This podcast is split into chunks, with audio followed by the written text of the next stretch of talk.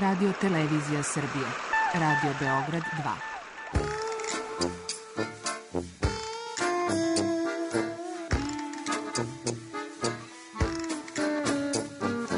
2. rekli su mi, gospodine, vi ste propanšili temu. Pa ja sam onda promašio život. I ne znam šta će da budu sam. Kaže, ja ne mogu više da te čuvam. Šta da ti radi, kaže. Snađi se kako znaš. Mi smo kao u kafesu. Za nas to je najmrtvo. To je mrtvo za nas, naročito. Ja bih željela neko da me usvoji.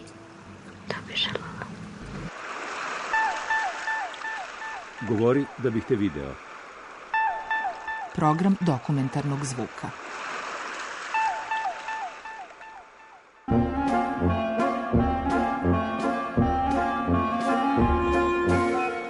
Danijel Dane Korica priča o šampionu, deo prvi.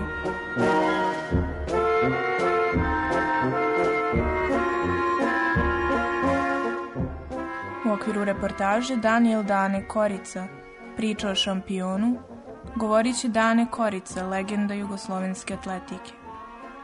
I dan danas, 45 godina kasnije, njegovi rekordi na 10.000 i 5.000 metara nisu oboreni – Učestvovao je na brojnim međunarodnim takmičenjima kao i na Olimpijadi 1972. godine, a na Balkanu je bio nepobediv. Danas je Dane Korica predsednik Sportskog saveza Srbije.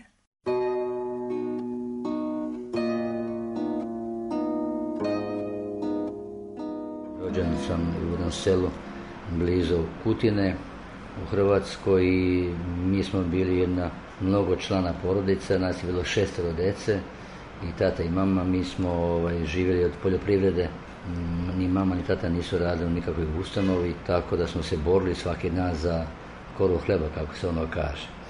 To za mene u to vreme nije bilo nekako mm, nešto neobično, to je bilo normalno da se radi na njivi, da se rano ustaje, da se kasno leže, svako od nas dece imao ovaj je zadatak šta da radi toga dana. Tata nas je rano budu, čim sunce svane izađe, mi smo morali biti na nogama.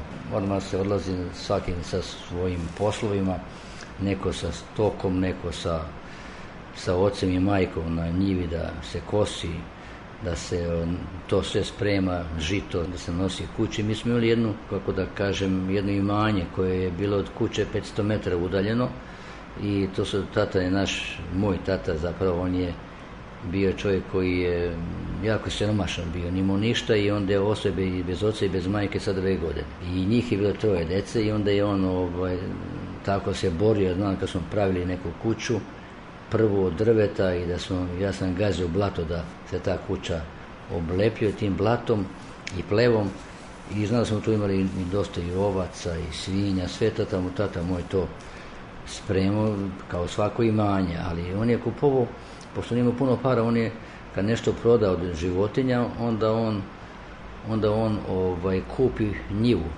I nas je bilo šestero, ne misle da ćemo mi svi da živimo tu u tom našem selu i da svakom po nešto obezbedi. I onda kupi jednu njivu jeftinu koja je sad zapuštena u trnju i granju i onda i on to obrađivo i znam da je bio po ceo dan je bio e, tu šumu krčio, kako se to kaže, vadio je panje od bagrema i onda pretvarao u plodnu oranicu. Onda kasnije mm, opet kupi do te zemlje, kad to iskrči, kupi drugo parče zemlje i opet to tako radi, zato što to je bilo jeftinije nego kad bi kupio čistu livadu i tako. Tako da smo mi imali tu i svoju šumu, imali smo svoju vodu, potoke, izvore vode i mi smo cijel dan provodili tu. Sestra jedna čuvala patke, ona druga čuvala svinje, ovce. Ja sam tu ovaj, se bavio, malo stariji sam bio pa sam čuvao krave i konje. I mm, mi smo tu stoku vodili na ispašu i tako do jedno 13. godine.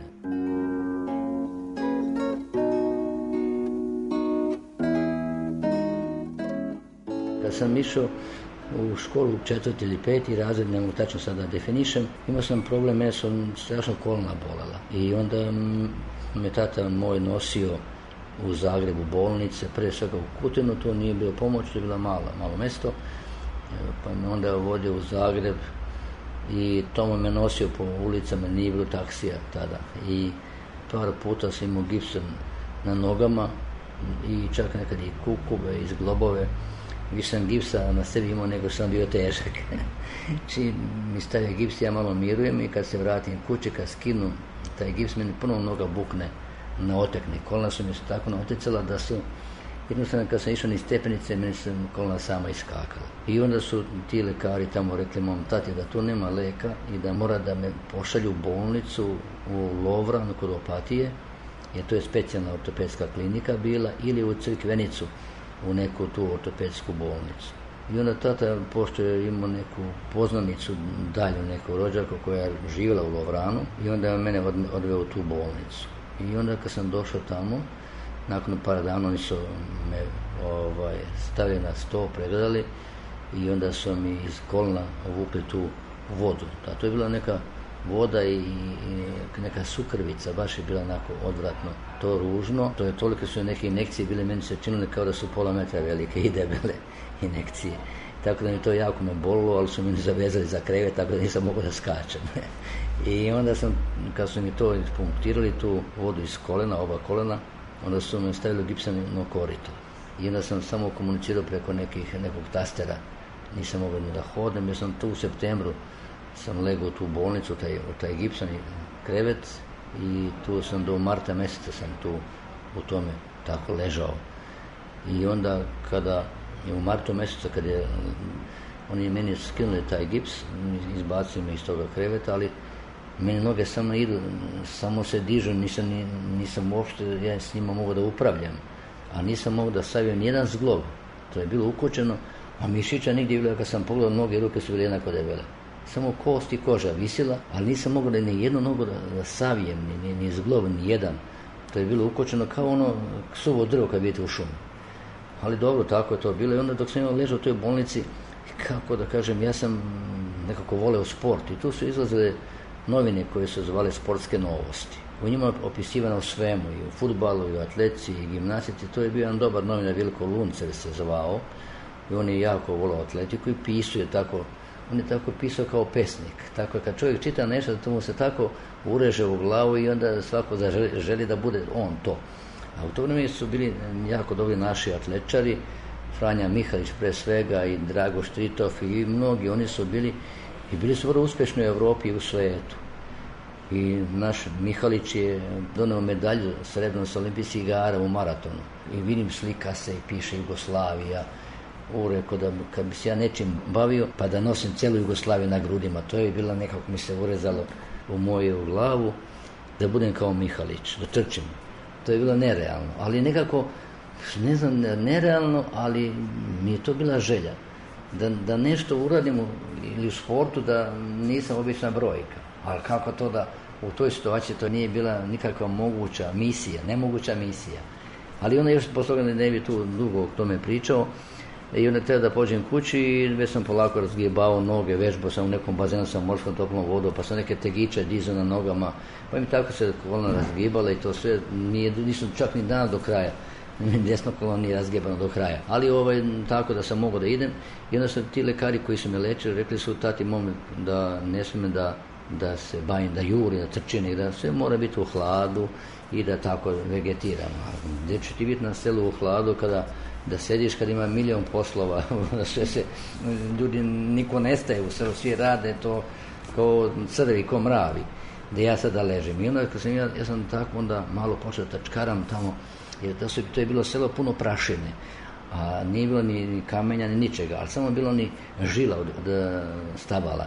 I sad sam ja jedan preko dana osmislim gde da trčim i onda noću kad tata ne vidi, kad niko ne vidi, ja kroz selo, nije bilo tada ni struje, mi smo sa lampom, učili pod lampom i to sve i nema ničega i onda kad, kad ljudi malo lako udahnu, kad, kad svi počne da, da spavaju, onda ja tamo vam po toj prašini trčim i tako i jednom me tata uhvatio kad sam došao treninga, bio sam ovaj, sam mokar. On mi kaže, gde si bio? Pa nigde. Što si mokar? Pa rekao, malo šeto. Pa ti je lekar rekao da ne sme da trčiš, jesi ti lud. I tako malo po malo, nekako se nisam dao, imao sam dosta otpora tata mi nije dao da trčem, neko ima, ajde ti radi, daj ti ko treba kopamo i košemo, mani to trčanje tvoje, šta od toga imaš? Vidio da ono žit, žit treba se skuplja, treba da se kukuruz okopava, da ja sam pre nastave išao svako jutro da da okopamo kukuruz, na primjer, mi smo bili na, na poslu 5 sati, a škola počinje u 8, tako da smo mi do pola 8, 28, ja tomu roda kopam kukuruze i da i da, ali nisu ni sat ima, tata kaže, nije još, nije još 8 sati, vidi se sunce, nije odskočilo visoko. Tako je to bio jedan život onda sam kasnije malo više počeo da i trčim malo i preko nekih livada i malo duže i onda mi se priključio jedan komšija on je bio onako malo puniji pa nije mogao da me prati ali ono blato nema šta patike nikakve ali do, preko tih njiva, preko oranica ali opet mora da ide da te nikad da te ne vide ljudi da te ne vide, ako te vide gotovo onda će biti jedno, jedna mi jedan čovjek tamo sreo kad sam išao da, da trčim i na jednom padini koji je od sela na drugu stranu gleda da me ne vide i on me sreo i onda gleda i šta ja radim i trčim, zašto trčim, ovo ono i neku sekiru nosi i sad kaže, kasnije rekao moj mami, Marija, Marija, ako ne tvoj sin, zamalo da skoči na mene lud malo, ja bi ga sekirom udario i nemo, izvini, molim te. Ja tako da niko to nije razume šta je to trčanje. Ali ja sam trenirao noću, znate, kada me ne vide, ali ja preko dana vidim kada oni izoru njivu i onda, onda to, s onim, to poravnaju s onim drljačama i tako nešto, I tu kad trčiš, iako je mrak, e, ravno i ne može noga da, da iskriviš. Tako sam ja to njima partao po njivama koje su bile već sređene. Pšenica kad se ovaj sadila. Tako da sam to koristio da, da trenam i samo trenam. I onda se, kasnije se klub formirao u Kutini, atletski, i onda se upisao klub. Ali sam ja išao daleko, moje selo je daleko 5 km do, do gde je stadion bio, gde se klub formirao. Onda sam ja morao iz mog sela da uvijek sam morao kasno vidim, da tata me nije pustao ranije, jer da je on, morao, morao sam da radim, čim se vata polako mrak, onda ja mogu da odem na trening. Ja preko šume trčeći do stadiona, a tamo imamo trening, pa nazad trčeći opet do kuće. Tako da sam, da sam to imao dosta kilometraže u nogama.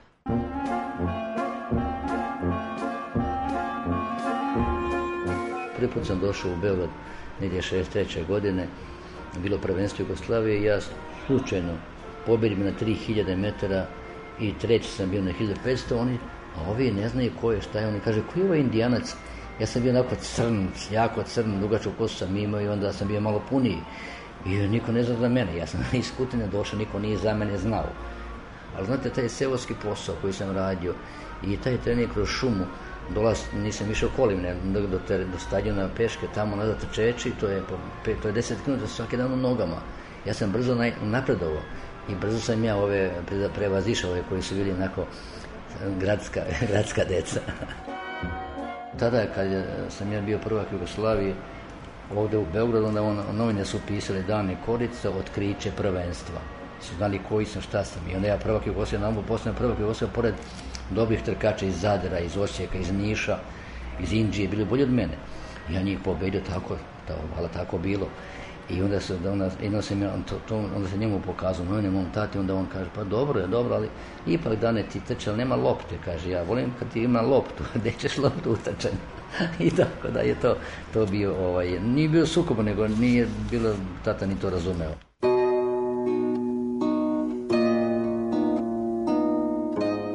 Sam tamo radio u Kutini, tamo sam bio u fabrici Čađi, sam radio u fabrici Gline i Kreča i to je neki zanad bio, ali to zanad bio kako da bataš lopatom glinu i da kupljaš u vreću čađ, čađ koja se je kasnije izvozila i glina za neke bušotine. To sam ja radio, jednostavno, radio sam i noćnu smenu i onda sam sam noćne smene kad dođem u 6 sati, ne idem kući, napravo trčim iz, iz te fabrike, ali mi onda je asfalt išao levo, desno i sam bio pospan, i sam se noć spavao sam znao da to moram, da ja moram da se bavim sportom, da, znate šta što, sam na u fabrici radio, e, na fabrici Čač, to je jako otrovna ovaj, fabrika. Ja sam znao, ja moram odavde da se izvučem. Ja sam sam sebi govorio, ja moram da se izvučem odavde iz, ovoga, iz ovih problema, a samo mogu preko sporta. I ja kurim, trčo bude najbolje otići odatle. Jer ja to nisam sebe video da mogu da, ne da živim u, u selu, nego da taj posao radim, a nisam mogu dobiti drugi posao, ja sam htio da budem automehaničar, autolimar, bravar, nisu mi dali. Nije mogu dobiti, tata je bio siromašan, niko ništa nije mogao da ima neku vezu ili da plati nešto, tako sam dobio neki najgori, najgori ovaj zanat koji se majto se zvao zanat, a to nije bio zanat, to sam ja već bio radnik, 15 godina sam već tamo tovario neke vagone, kamenje bacao u te peći za kreć, Tako da je to, ali to opet nisam ja shvatao da to nešto neobično. Samo znao sam da ja moram otići odatle, da moram da odem na neki način, ali ne da pobjegnem i da me sport povuče, a samo i atletika mogla da me povuče, jer futbol nisam mogao, tu opet treba biti veza, koji igra s kim, koga staviš u tim, a ovdje nije niko ništa, ako si najbolji niko ništa nije mogao. I to je bio najrealniji način da se sam izvučeš.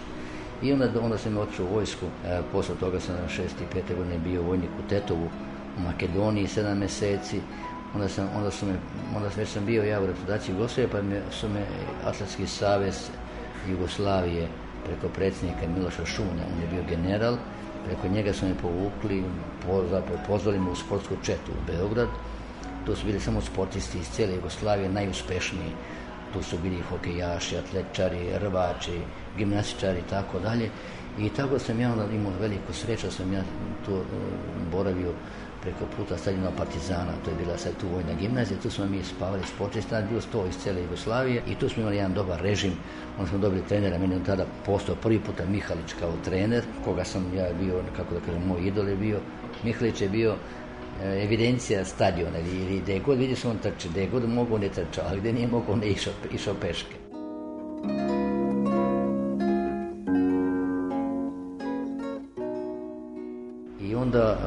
se pojavio jedan majstor, jedan prijatelj do Mihalića, zvao se Žika Stevčević, on je radio, ovaj, popravljao taksimetre i sajle je gradio za kola i onda imao je, voleo atletiku, imao je i novaca, a nije imao nikoga koga bi finansirao. Onda on rekao Mihaliću, ja ću da finansiram Daneta, nek ostane u Crvenoj zvezdi.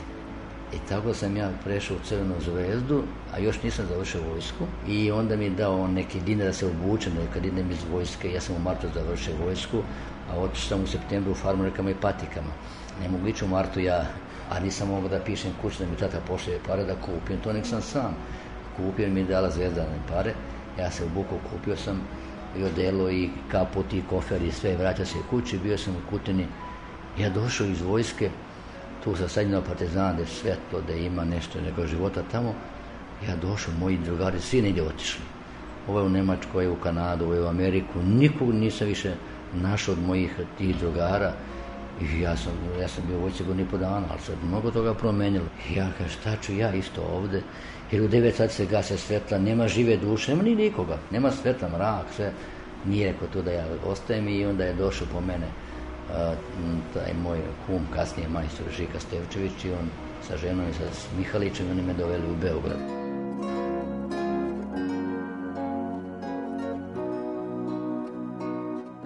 Znajući da vreme prolazi, da mogu da se povredim i to sve. Onda se rekao tom Žike, Žike, ja bih da radim kod tebe, ja volim taj, volim, ja volim da radim sa šacigerima, sa naftom, sa benzinom, to mi mirisalo ta boja, te, te masti. Tako ja sam to volio da radim, da napravim nešto. Ja sam išao na trening ujutru u 6 sati, već sam bio u radnju pola 8. I onda, e, kad sam taj zanat kod, e, učio kod tog majstora, ali ja sam imao u Kutini hemijsku školu, a ovo je druga, ovo je metalska ovaj, ovaj, škola, metalski smer, pa sam morao ići u večernju školu u Braća Stamenković da, da dopunsko to završim. Tako da sam tu išao godinu dana u tu večernju školu da bi završio da mogu da, da diplomiram na, na tom zanatu. Diplomski rad mi je bio da napravim kilometražu za Fić, onaj sad za Fić, da se meri, meri, meri kilometraži. To sam uradio, položio i onda sam još radio kao majstor, tako da sam fino radio, sam to voleo ali znate kako taj rad ceo dan i dva treninga na dan nije išlo i onda m, mm, kasnije više Mihlić nije bio trener, bio mi je trener profesor sa DIFA, a dr. Dragan Petrović, mene je rekao, Dane, ti moraš ići na fakultet, ja što kažem, dečo, Dragane, ja samo znam Šrafciger, ove, sajle, ovo, nemam ja pojma o anatomiji ili nekim predmetima, ja nisam učio gimnaziju, sam učio srednju u školu za učenike u privredi, to i onda sam ja, i mogu da kažem da sam se isto ja uplašio, da teško će biti da ja to sve savladam, a šta ako ne, tamo ne, ne, ne, ne, mogu da naučim.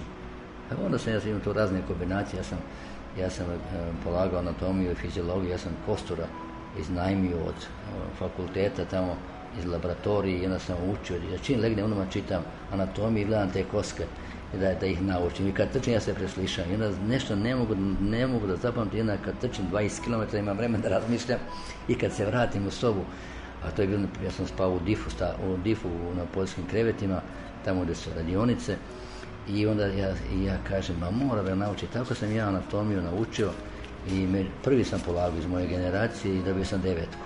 To, to ja sam mal, malte ne, ja sam skakao do neba, iz tog najtežeg predmeta, sam dobio devetku, ko, kto, je moj, moj taj kasni kum Žika nije verao da ću ja to za završim, to ne mogu da... Znate, kad se ti pod kolima, cijel nas se samo baviš onim stvarima dnevnim, ono, za, za tegni šaf, otegni šaf i vidi ovo šafci ga taj gore, ključ taj i tako dalje. I onda sam ja tako prvu godinu sam očistio jako brzo, u vreme sve sam položio, ali sam se umeđu vremenu i oženio i nisam imao stan. Tako da sam ja ovaj, stanovo kod moje otašte na umci, tamo u jednoj maloj sobici, danas je bilo petero, četvero u jednoj sobi i dete malo došlo, moja Danijela, i onda bila bila onako frka, bila malo ja, žešća i moja tašta mi kaže, pa šta ti misliš, ti nemaš, nisi završio za fakultet, nemaš stana, He, dete ti je došlo, žena, ko što da izdržava? Ona meni kaže, ja rekao, sve, ništa ne se kida, Ja sam dobio od grada, sam dobio napismeno da će biti prvi sportista koji će dobiti stan od grada. Stan u kome će stanovati. I, ali imaju obaveze da ostanem 10 godina u Beogradu i da, ili kasnije kao sportski radnik da radim. Ne mogu da odem iz Beograda 10 godina. Kad sam ja stan dobio, kad sam se selio u stan od 50 i nešto kvadrata, ja sam mislio da sam najsretniji čovjek na svetu. Thank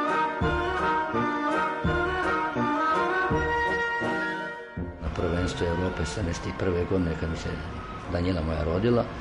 Tu sam oborio rekorde Jugoslavije, bio sam dva puta četvrti na prvenstvu Evrope i pobedio za sve trkače, svetio ni mene, ja i njih.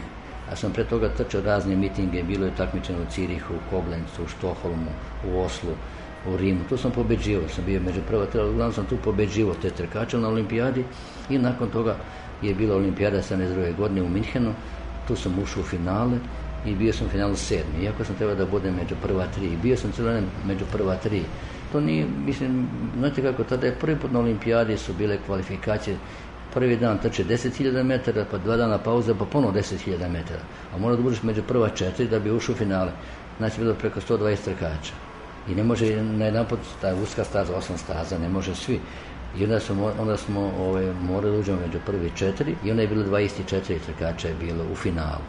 Ja sam među njih, meni 24 sam trčao i onda sam bio sedmi, ali sam, ali sam hteo da budem, mislim da budem prva tri, da mi se, da mi se svira himna, ali nisam nešto, već sam, već mi polako nešto, znate, ako bi se te obaveze i neizvesnost koju sam ja imao u mom životu, verovatno su tada već se to nagomilalo svega toga, da mi, da, sam zadnja dva kilometra eh, sam trčao nekako, noge mi nisu slušale ali sam cijelo ne bio prvi, drugi, treći, tako, samo sam to držao da moram biti medalja, rekao. Ali ono su kad me, otkazuje mi noge. Ja mogu, hoću, ali ne ide, ne idu noge i gotovo. Ali do FED 7, to nije, nije bio uspjeh za, za Jugoslaviju u to vreme. Ako niko ništa nije rekao ni bravo, ni, više su me kritikovali, mogao sam da budem treći. Ali mogao sam se, mogu, ja bih hteo, no ali nisam mogao. I tako da to je olimpijada tako završena, stan sam dobio i onda sam ovo, ovaj, još trenirao i onda sledeće godine, 73. godine je bila, bila univerzijada u Moskvi, tu sam pobedio na 10.000 metara, to je bila jedna zlatna za Jugoslaviju, a prvog sam Balkana bio jednom 20 puta, što na krosu, što na 10, što na 5.000, nema mesta, nema grada u kojem nisam takmičio i bio sam u Sao Paulo, bio sam tamo četiri puta, bio sam treći, to mi je bio najuspešniji moj nastup, a u Sao Paulo trčalo po 15-20 ljudi, to je ona ponoća trka Sao Silvestre se zove za novu godinu i onda sam kasnije oborio rekord stadiona, tamo sam bio prvi na 5000 metara, oborio sam rekord stadiona koji 20 godina niko nije oborio. A ovi moj rekord još danas stoje na 10 ili 5000 metara, verovatno će ovaj mali, jedan iz Novog pazara, jako dobro trče, da mislim da će on da me prevaziđe i tako i treba, pa 45 godina je prošlo. Mora, mora neko da te nasleti, dakle toliko godina.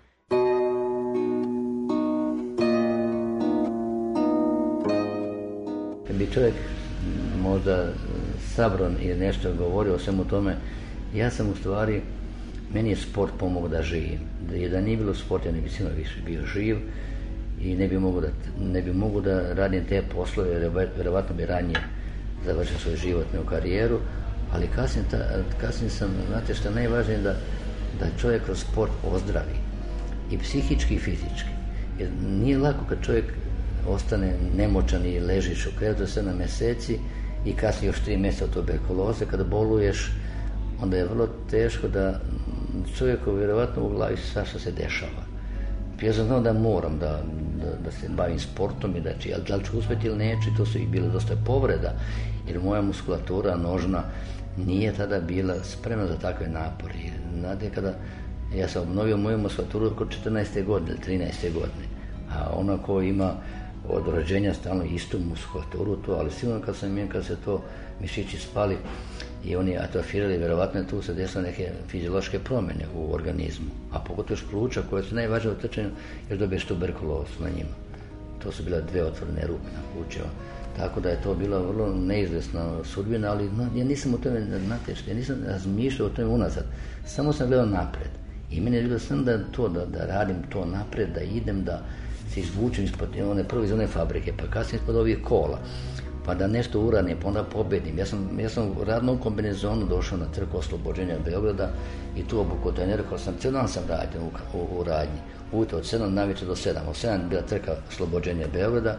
Sam samo presvuku moju ovaj, to radnu odeću, obuku sportsku i pobedio sam nekog Engleza koji je crno sedao u hotelu, uživao, čekao trku. Ja radio crno pod kolima. Znate kako je to onda bilo. Ali kad tu pobediš, onda sam, ja sve me to vuklo još više, još više da treniram još više da nastupam. I znate, velika je to stvar kad ti ideš i po svetu. Kad bi ja mogao da Kad bi ja mogao da obiđem svet, ceo svet sam obišao i takmičio i sam sam putovao, uglavnom nije bilo tada para da idete celom trener i uglavnom, da, a pogotovo sada kad ide neka ekipa ili neki pojedinac ide master, ide trener, ide onaj, kako da kažem, onaj zovu ga sparing partner, kakav partner, nisam imao ni, ništa ni za paring, ni za sebe, kao za sparing partnera. Tako da je to bilo, da, to je tako bilo vreme, tako bilo vreme, ali ja mogu da kažem da sam ja ovaj, taj posao koji sam radio, da sam ga jako voleo i sve do kraja moje radne karijere, premda i sad radim kad sam u penziji, ali ovaj, e, prošlo je tako to brzo, kao, bi, da kao da udariš dlan od dlan, a drugo radio sam, to sve što sam voleo, nisam, nije bilo teško, to, se, to je bila moja ljubav, sport i hvala Bogu što sam ja se našao u tom delu, najlepše je kad čovjek nešto radi što voli to je najlepše, to je najveća sreća čoveka. I tako da ja nikad meni posao nije bio težak. Nije bilo, nije bilo meni teško ni ono sam radio u fabrici i kod majstora, ali sam znao da ja to moram iz toga da izađem. A samo mogu preko sporta i upornosti. Jer u sportu, ako ta, kaže ti talent, ma talent, gde sam ja mogu biti talent kad sam ležao u Gibsonu koritu? Ko je mogao da, mogu da kažem ja talent? Iz Gibsona korita. Nemog nego rad. Rad, trening, vežbanje, jer čovjek je, naj, čovjek je najjači. Ja kada čovjek može rukom da razbije kamen, kad bi ga stalno udrao rukom po kamenu bi se raspao. Jer čovjek je najjači, nema ništa jače od čovjeka. I čovjek može sve da uradi, ali treba to da, ali da imaš i sreće malo.